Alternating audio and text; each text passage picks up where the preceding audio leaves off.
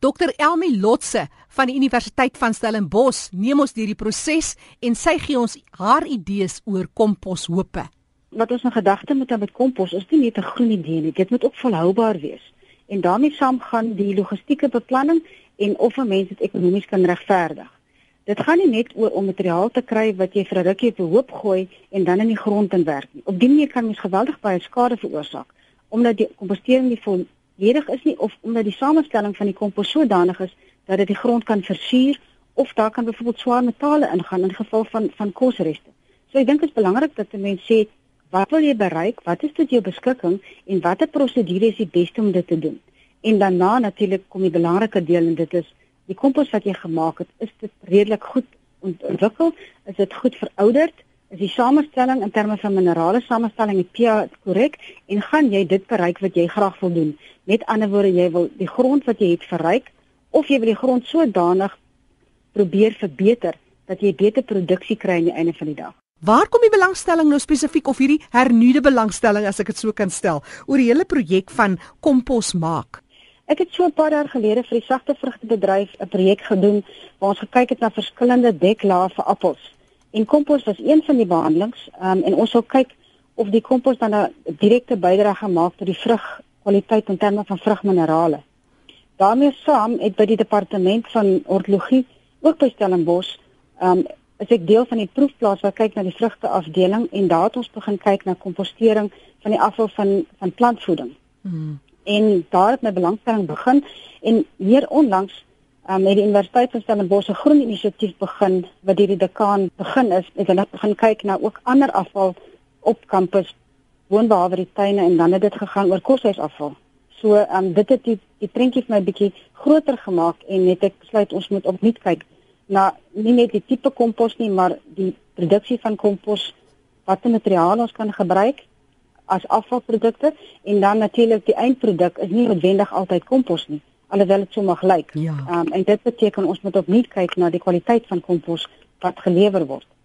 Nou Elmi, ek moet nou vandag 'n uh, erkenning maak en ek weet baie luisteraars sal my kruisig want ek vat elke week hier in Ekoforum van die een of ander manier van herwinning en volhoubaarheid. Ek doen nie die kompos ding nie.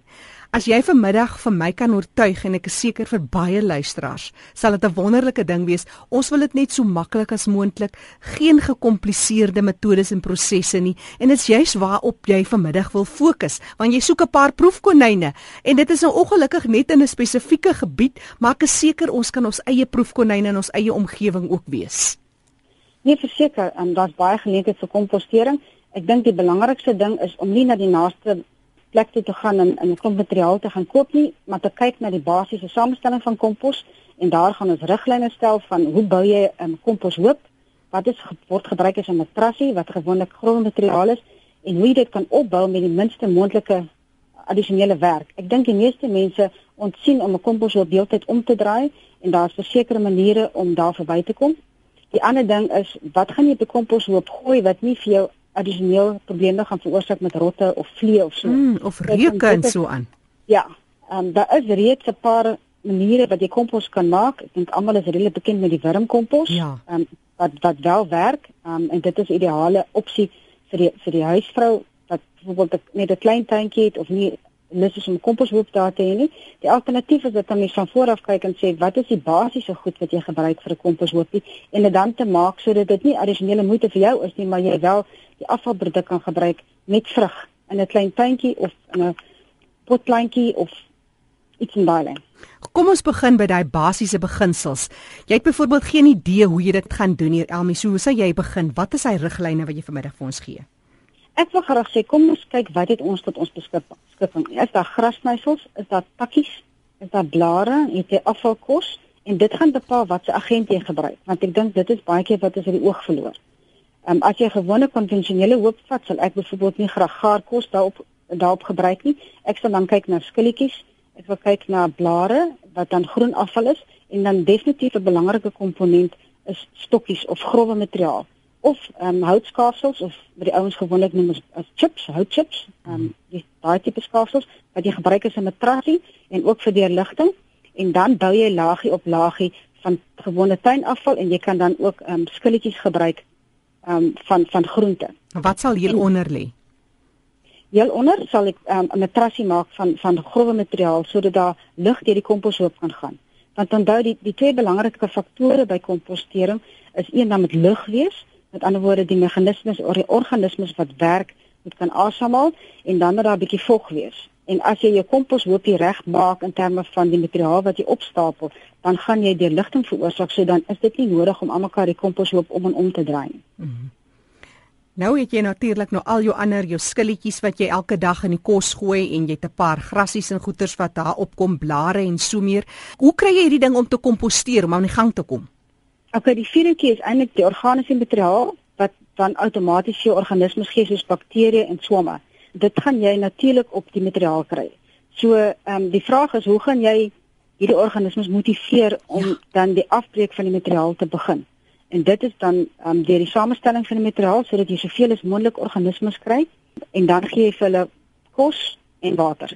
Die, die kuns van kompos maak is eintlik om seker te maak dat dit wat natuurlik voorkom, jy dit net kan aksensieer.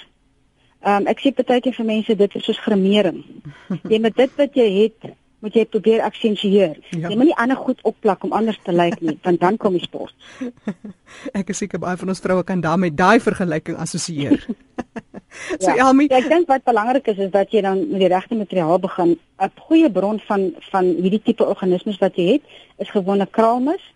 Uh, maar dit is nie noodwendig vir almal beskikbaar nie. Mm. Wat mense ook van tyd tot tyd doen, as jy kan botteltjies met organismes en dit dan invoeg, um, maar dit dit is nie noodwendig natuurlik nie. Um, en dit sal die beste wees as jy net met 'n met 'n bron kan begin, soos byvoorbeeld 'n suurdeegie. In die ou tyd het die ouens 'n suurdeegie gevat um, en oorgedra van week tot week om dan 'n uh, deeg te maak waarmee jy kan bak.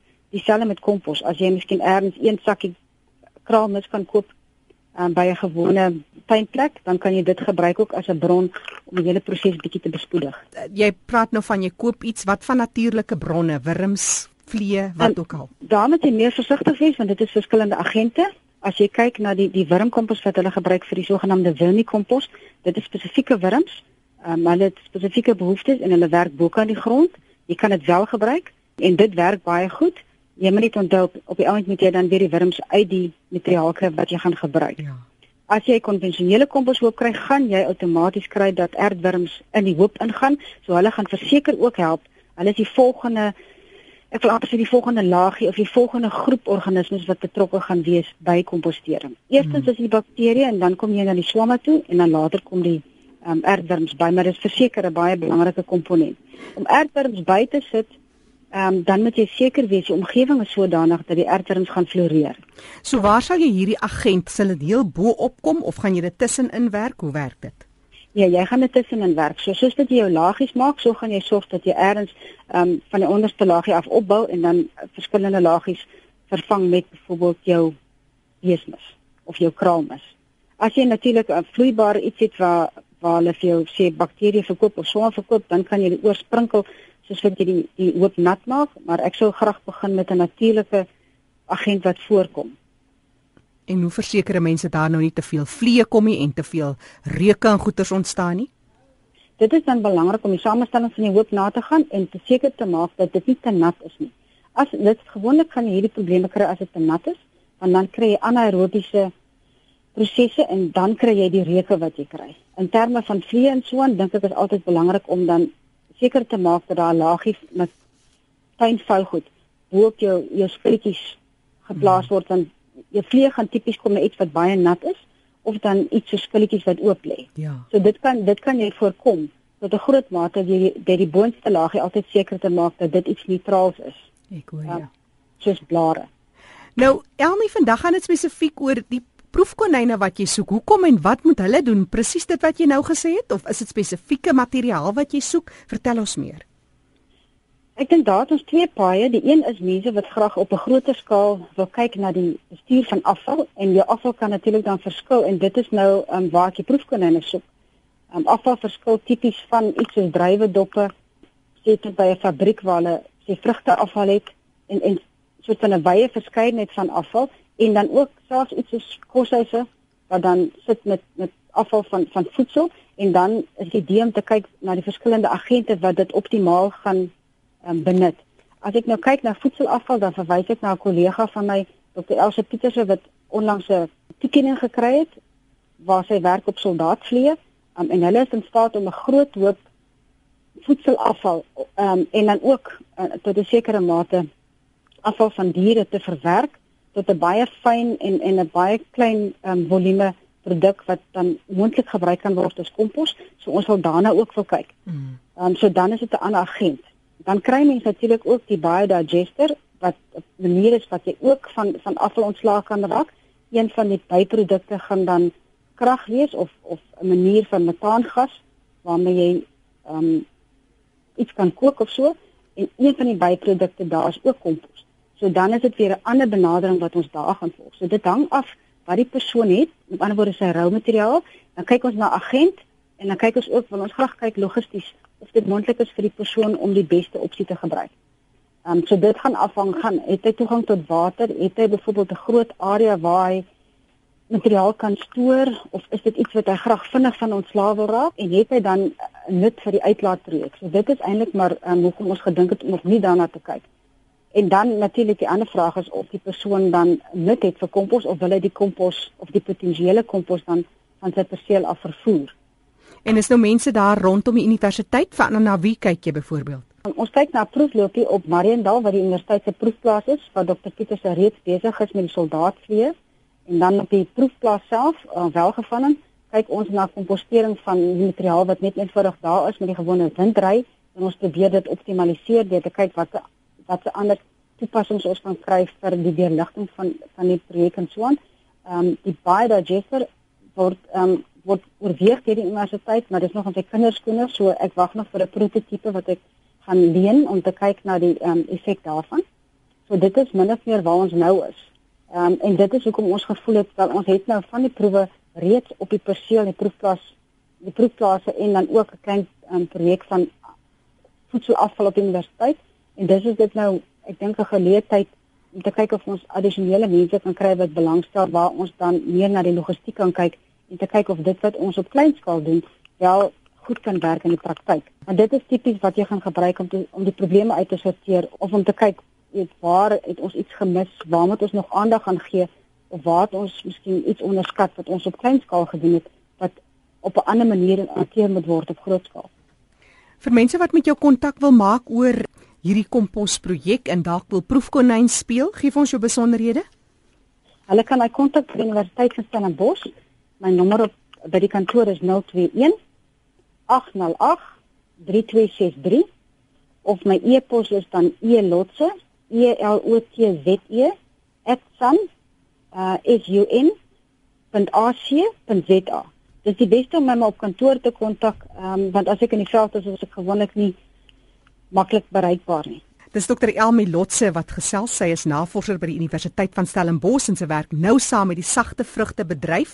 Skakel haar, dalk is jy in die omgewing van Stellenbosch, jy's dalk een van die skoolkoshuise, voedingsskema of 'n gemeenskapstuin wat jy het, wat dit ook al is. Haar telefoonnommer 021 808 3263 of stuur 'n e-pos. Dis E Lotse. Dis E L O T Z E by sun s u n.ac.za